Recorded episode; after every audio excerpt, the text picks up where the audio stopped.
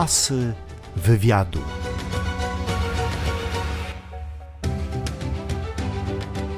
Witam Państwa i zapraszam do wysłuchania rozmowy z Tomaszem Kotem, aktorem filmowym i teatralnym. Tomasz Kot na dużym ekranie zadebiutował rolą legendarnego wokalisty dżemu Ryszarda Ridla w filmie Jana Kidawy-Błońskiego Skazany na bluesa. Największą popularność przyniosła mu jednak rola Maksymiliana Skalskiego w serialu komediowym Niania. Czy Legnica to fajne miejsce do spędzenia dzieciństwa? Taki czas dorastania to zawsze jest też czas, który obfituje w przeróżne no, nowe odkrycia i tak dalej, i tak dalej, w związku z czym niezależnie od tego, jak może być ciężko, zawsze jest pięknie i zawsze się z sentymentem do tego powraca. No fajne miasto. Marzył Pan o karierze artysty malarza, czy to prawda? Tak, tak, bardzo długo malowałem, a to się wzięło stąd, że rodzice ciężko pracowali, byli zajęci, nas była wtedy trójka, potem czwórka, więc w wieku tam pięciu czy sześciu lat mama zaprowadziła mnie do MDK-u Legnickiego i tam zacząłem rysować. Tak, takie jakieś kółko po szkole. Pamiętam taki moment, że za pierwszym razem jak byłem, to taki flash tylko. Jak pani zapytała, ile mam lat i ja wyciągnąłem rękę i pokazałem, czyli musiałem mieć około pięciu lat. Może byłem jakoś w średniakach albo coś. Ale był pan uzdolniony plastycznie? Tak, tak, wygrywałem jakieś konkursy i tak, tak to się wszystko rozwinęło w takim kierunku, że jedyne moje marzenie to było liceum plastyczne, ponieważ w Legnicy niczego takiego nie ma. Najbliższe było wtedy, zdaje się, w Jeleniej Górze i we Wrocławiu i chciałem wyjechać, ale rodzice jakoś tak stanęli wtedy na drodze. Zwyczajnie się bali, więc to, to legło w gruzach, ale no, jak życie się toczy według teraz, nie? według tej chwili, która teraz jest, więc gdybym pewnie pojechał, to bym nie był aktorem. Suma summarum fajnie to wyszło. Panie Tomaszu, a seminarium duchowne? To jest taka bardzo atrakcyjna informacja, jak się już później, po kilku latach bycia tak, tak zwaną rozpoznawalną osobą zorientowano, że to jest taki chwytliwy temat i, i dziennikarze się tego chwytają.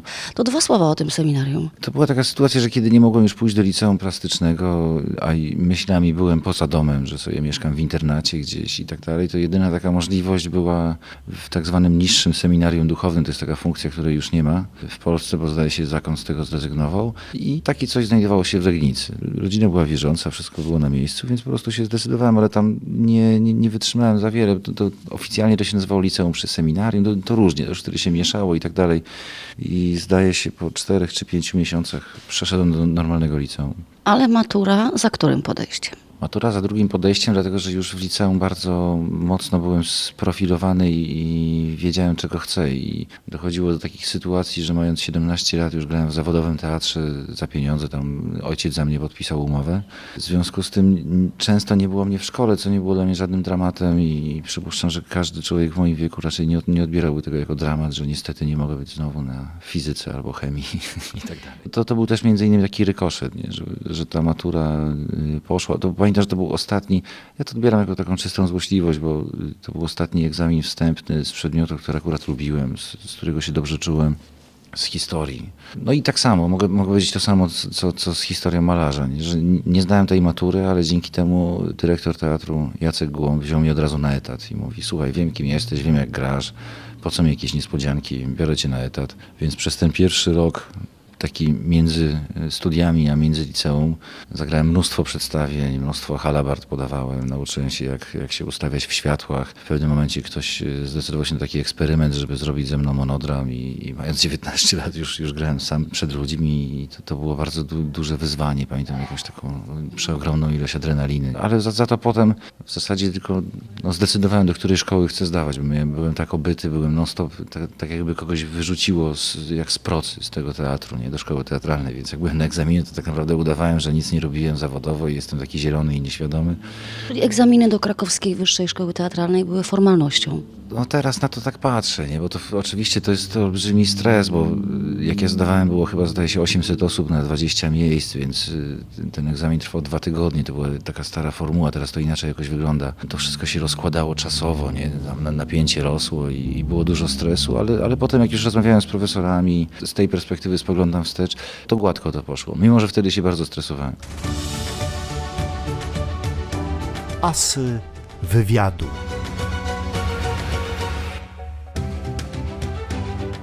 Czy szkoła teatralna wobec tego czegoś pana nauczyła?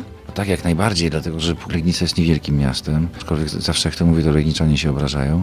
Je, jestem w Legnicy, wychowałem się w tej Legnicy. Załóżmy, że w zespole teatralnym, nie pamiętam dokładnie, ale było na przykład, nie wiem, 13 aktorów, 14. Nie? Cały mój świat teatralny, całe moje życie skupia się wokół tych 14 ludzi, ewentualnie 3-4 przyjezdnych reżyserów. A szkoła teatralna daje przede wszystkim kontakt z tym szerszym światem, bo jeżeli moim opiekunem był Jerzy Sztur, który często wylatywał do Włoch, ponieważ tam też wykładał w szkole i tam też uczył i chociażby po to, żeby poznać ten pierwszy szok, nie? żeby wyjeżdża się z tego małego miasta, tutaj siedzi człowiek z telewizji, tutaj za chwilę ktoś przechodzi, ktoś przyjeżdża. Pamiętam, że na zajęciach pierwszych z impostacji pani profesor na mnie spojrzała i mówi, taki wysoki z takim niskim głosem.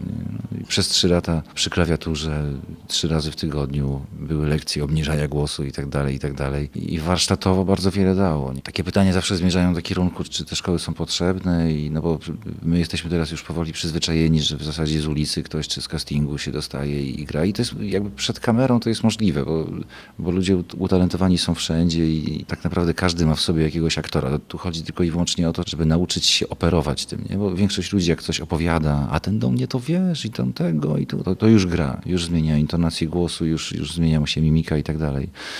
Gorzej w teatrze. Gorzej w teatrze, dlatego że teatr już wymaga osobnej kondycji psychofizycznej, to znaczy trzeba mieć pełną świadomość, trzeba mieć takie trzecie oko. Jak wyglądam, jak to działa, jak to jest skuteczne. Ja na przykład miałem taki duży problem ze śmiechem, nie potrafiłem się śmiać głośno. Na zawołanie nie potrafił się śmiać pan? No tak, tak, tak, że na głos. Naturalnie się śmiałem tak do siebie, tak cicho.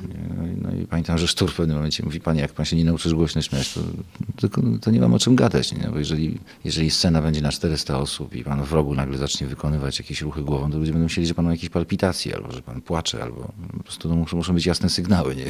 Nazwisko Jerzy Sztur pojawia się już kolejny raz w naszej rozmowie. To mistrz dla pana? Nie, nie, nie mam mistrzów. Uważam, że to jest bardzo kłopotliwe posiadanie mistrza, bo taki mistrz jest tylko i wyłącznie człowiekiem, więc jeżeli ten człowiek coś niewłaściwego wykona, albo nagle mu się życie zmieni, to, to później jest problem z tym mistrzem. Trzeba ogłosić, że to już nie jest mój mistrz i tak dalej, i tak dalej.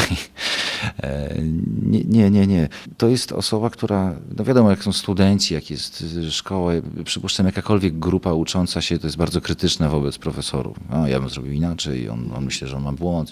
To jest taki jeszcze czas, gdzie jesteśmy w tym takim akwarium i jest wszystko bezpiecznie i fajnie i tak dalej. A po szkole nagle się zorientowałem, że to, to czego uczył pan Jerzy, tak naprawdę bardzo się przydaje. To jest coś niesamowitego, bo on uczył natychmiastowej reakcji. Są aktorzy, którzy dochodzą do roli miesiącami i dorobili się jakiejś pozycji, ale czas nam się jakoś przyspieszył obecnie.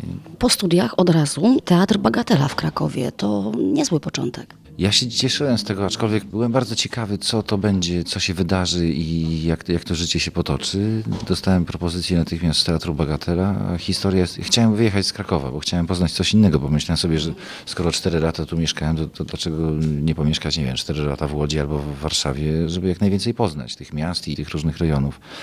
Ale spotkałem wtedy dziewczynę, bardzo byłem zakochany i, i odebrałem to jako taki znak los mi daje znak, nie? że skoro y, Kraków mi od razu oferuje fajny etat, fajny kontrakt i tak dalej, to jest jakiś znak i trzeba w to wejść. Panie Tomku, pana filmoteka jest y, szalenie bogata. W 96 roku dostał pan nagrodę dla najlepszego adepta sztuki aktorskiej w barburkowych spotkaniach teatru w Dąbrowie Górniczej. Był pan strasznie młody w 96 roku. Tam była taki, taka dziwna sytuacja, bo ja tą nagrodę chyba dostawałem dwa razy z rzędu.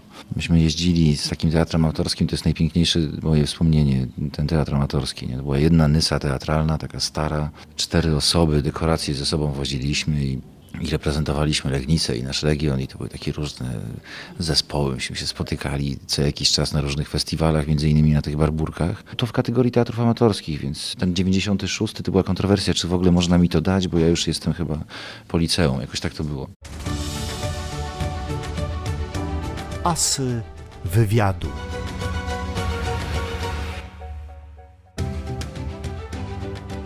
Filmoteka jest bardzo bogata, od znakomitych pana ról do takich powiedzmy kiepskich filmów, zgodzi się pan. Przeze mnie ukochany to jednak film Skazany na blusa, reżyser Jana Kita-Wybłońskiego. Czy pan też tę rolę jakoś ukochał szczególnie? Wiem, że pan pomieszkiwał nawet w mieszkaniu y, Rydla w Tychach.